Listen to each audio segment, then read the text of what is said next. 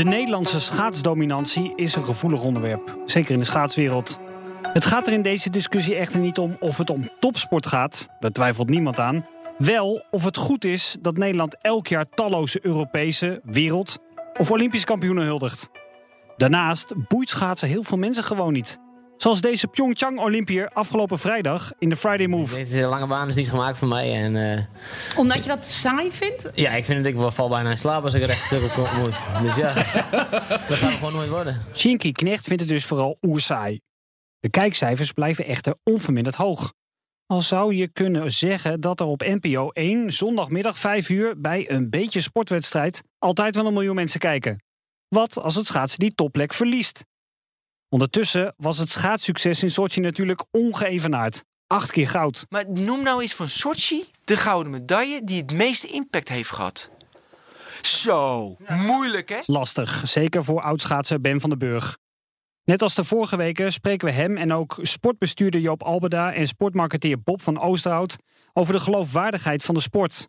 Met dit keer dus de Nederlandse schaatsdominantie in Sochi. Dus in het moment vond ik het mooi, maar het waren geen zeg maar, wedstrijden die in de schaatsgeschiedenis, voor mij dan, hè, eeuwig, eeuwig mooi waren. Het is stiekem toch wel heel erg een Nederlandse aangelegenheid eh, geworden. Als is- Stiekem, dat zien we toch allemaal? Nee, dat, dat zien we ook allemaal. Ik breng het, eh, ik breng het netjes. Je moet je altijd afvragen als je te langdurig gewoon zo dominant bent dat het publiek, publiek zich niet gaat afkeren. hè. Dus vo- voetbal als tegen, eh, tegenpool is zo krachtig omdat nummer 88 van de wereldranglijst twee, gelijk kan spelen tegen de nummer 2 van de wereldranglijst. Omdat verdedigen makkelijker is dan aanvallen. Maar als het altijd dezelfde beste wint, wordt het saai, voorspelbaar en komt niemand meer kijken. Kijk, wij hebben geloof ik in de historie van de Olympische Spelen 400 schaatsmedailles. Nee, sorry, 400 medailles gewonnen, iets minder. Ik geloof 395. Maar 105 daarvan, dus een kwart, waren schaatsmedailles. En van al die schaatsmedailles waren er, zijn er 24, dus een, een, een kwart daarvan weer, op één Olympische Spelen gewonnen, in Sochi. En dan ontstaat natuurlijk wel onbewust het gevoel bij de massa, maar dus ook bij het bedrijfsleven, van goh, eh, het is niet meer heel exclusief.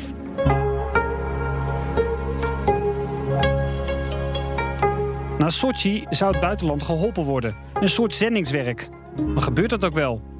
Ja, je zou kunnen zeggen, het is vier jaar later natuurlijk nog te vroeg om even ons goud in te pikken. Een nieuwe karrevracht aan goud longt. Of dreigt, hoe wil. Zeker nu de belangrijkste Russen deze week zijn geweerd. Alle medaillekandidaten die zijn er gewoon in één keer uit. Geen Yuskov, geen Kolisnikov. echt serieus verwacht dat we serieus werk van zouden maken. Dat we het. Nou ja, dat we ontwikkelingshulp zouden doen aan andere landen. En dat zie je wel. Weet je, we hebben een Nederlandse trainer nu in Japan zitten, in Korea zitten. We hebben het Tetjan Bloemen in Canada. Dus we zien nu in andere landen, doordat wij eh, ontwikkelingswerk doen, dat andere landen beter gaan. Nu zou Japan beter zijn. En ook Korea, mm, dat is nog de vraag, maar vooral Japan. Maar ik had dat nog intensiever verwacht. En ik had ook verwacht dat de ISU daar actiever in zou zijn. Waarom laten de andere landen het dan liggen? Omdat schaatsen niet interessant genoeg is voor heel veel mensen. Schaatsen is een te, is een te moeilijke sport. Je moet er te veel voor trainen. Eh, het is een tijdsport. Tijdsporten zijn uit. Mensen houden van spelletjes tegenwoordig. Buitenland zal eh, met argusogen kijken van welk intelligent programma wordt daar in Nederland eigenlijk gedaan. In Nederland zal de, de, de storm eh, uitbreken van schaatsen stelt niks voor. Beide zijn hopelijk niet waar en zullen ook niet gebeuren. Eh, en wij zijn wel meesters in het klein maken als we er erg, erg goed in zijn. Dus we zijn heel erg goed om hockey klein te maken omdat we altijd in de finale komen. We zijn heel erg goed om schaatsen klein te maken omdat we zo vaak een medaille winnen. Nou, als ik bijvoorbeeld kijk naar mijn dochters, die vinden een voetbalwedstrijd van 90 minuten eh, echt een klus. Eh, die vinden eh, schaatsen kijken eh, al heel snel saai. Maar je ziet dat het American football in Amerika er last van heeft. Je ziet dat tennis voor grote uitdagingen staat. Dus ook de Olympische familie is heel druk om te kijken van hoe gaan wij sport aantrekkelijker maken, dynamischer maken. Hoe gaan we die spanningsboog van de millennial eh aankunnen. En dat zijn serieuze uitdagingen.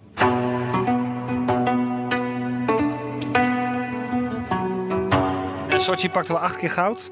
Eh, de voorspelling volgens een, eh, een, een sportbureau is zes keer goud nu. In, eh, in Zuid-Korea zeven keer zilver en vijf keer brons. Wat, wat is een gouden medaille eigenlijk nog waard? Ja, ik vind helemaal niks. Nee, daar bedoel ik mee van... eh, haha, nee, dan heb je goud. Het gaat natuurlijk om. Kijk, een gouden medaille winnen op de Olympische Spelen is een, een, is een, is een marktpunt in je leven. Dus het is een markt. Dus daar heb je een keer. Dat was je de allerbeste. Dat is natuurlijk heel gaaf. Het hoogst haalbare. Hoogst haalbare, dat is onwijs gaaf. Ik heb het nooit gehaald en jij ook niet. Dus weet je, wij, wij, wij zijn alleen maar jaloers op mensen die dat wel hebben gehaald. Feit. Feit. Maar dan is het altijd van, natuurlijk in je leven en dan. Ik heb Jack Ori een paar jaar van dichtbij meegemaakt. Ja, dat is topsport van het allerhoogste niveau. Van het, ah, daar mag in sommige gevallen de voetbalsport nog wel eens ehm, eh, nou ja, een voorbeeld aan nemen. Ik denk ook niet dat iedereen, daar, daar twijfelt niemand aan. Hè? Kramer, Wust, Ori, al die andere Nederlanders, het, zijn- het zijn topsporters. Maar wat is een gouden medaille nog waard als we zoveel gouden medailles winnen? Eh, minder, minder. En dat zag je ook eh, na Sochi, waar ik ook zelf was. En waar op een bepaald moment zoveel mensen een medaille wonnen. eh, die vervolgens natuurlijk ook allemaal denken van... en nu vliegt de, de, de commerciële zilvervloot even binnen. En dat viel eigenlijk in alle gevallen tegen. Eh, zelfs de mooiste medailles hadden moeite, weet ik nog... om daar echt op te kapitaliseren, om die echt te verzilveren. We hebben steeds minder tijd om langdurig onze concentratie vast te houden. Zoeken we naar snellere evenementen, of het nou BMX is in de, in de, in de zomerspelen, tot hele korte afstanden. Eh, dat fascineert de mens meer. Met af en toe een 10 kilometer van Mo Farah op de, op de atletiekbaan en Sven Kramer eh, in, op het schaatsen. Wij hebben een cultuur dat we nog ronde tijden bijhouden. Dat is natuurlijk voor Amerikanen looking grass grow. De, de investeringen in eh, schaatssponsoring die zijn door de jaren heen wat minder geworden. Eh, Wel stabiel, lijkt mij. Eh, zijn op zich wel stabiel. Al heb je wel zo links en rechts natuurlijk wel wat eh, eh, iets te veel verschuivingen gehad de afgelopen jaren. Ehm, een aantal jaar geleden had je bijvoorbeeld de TVM schaatsploeg en die was zo herkenbaar en dat, dat, dat liep jaren door. En je had daar een paar schaatsploegen omheen die inmiddels ook wel werden herkend. Ja, dat is op dit moment allemaal wat minder. Want ik denk dat Sven Kramer en Irene Wust nog steeds de grootste namen zijn in het schaatsen. Het zijn personen. Ehm, in het schaatsen ben je ook geen fan van een ploeg. Hè? Dat zie je eigenlijk ook maar heel zelden. Ehm, en ik denk dat naast Lotto Jumbo dat het niet zo is dat de gemiddelde Nederlander echt kan eh, een, een drie, vier, vijftal ploegen zomaar even kan, eh, eh, uit de mouw kan schudden.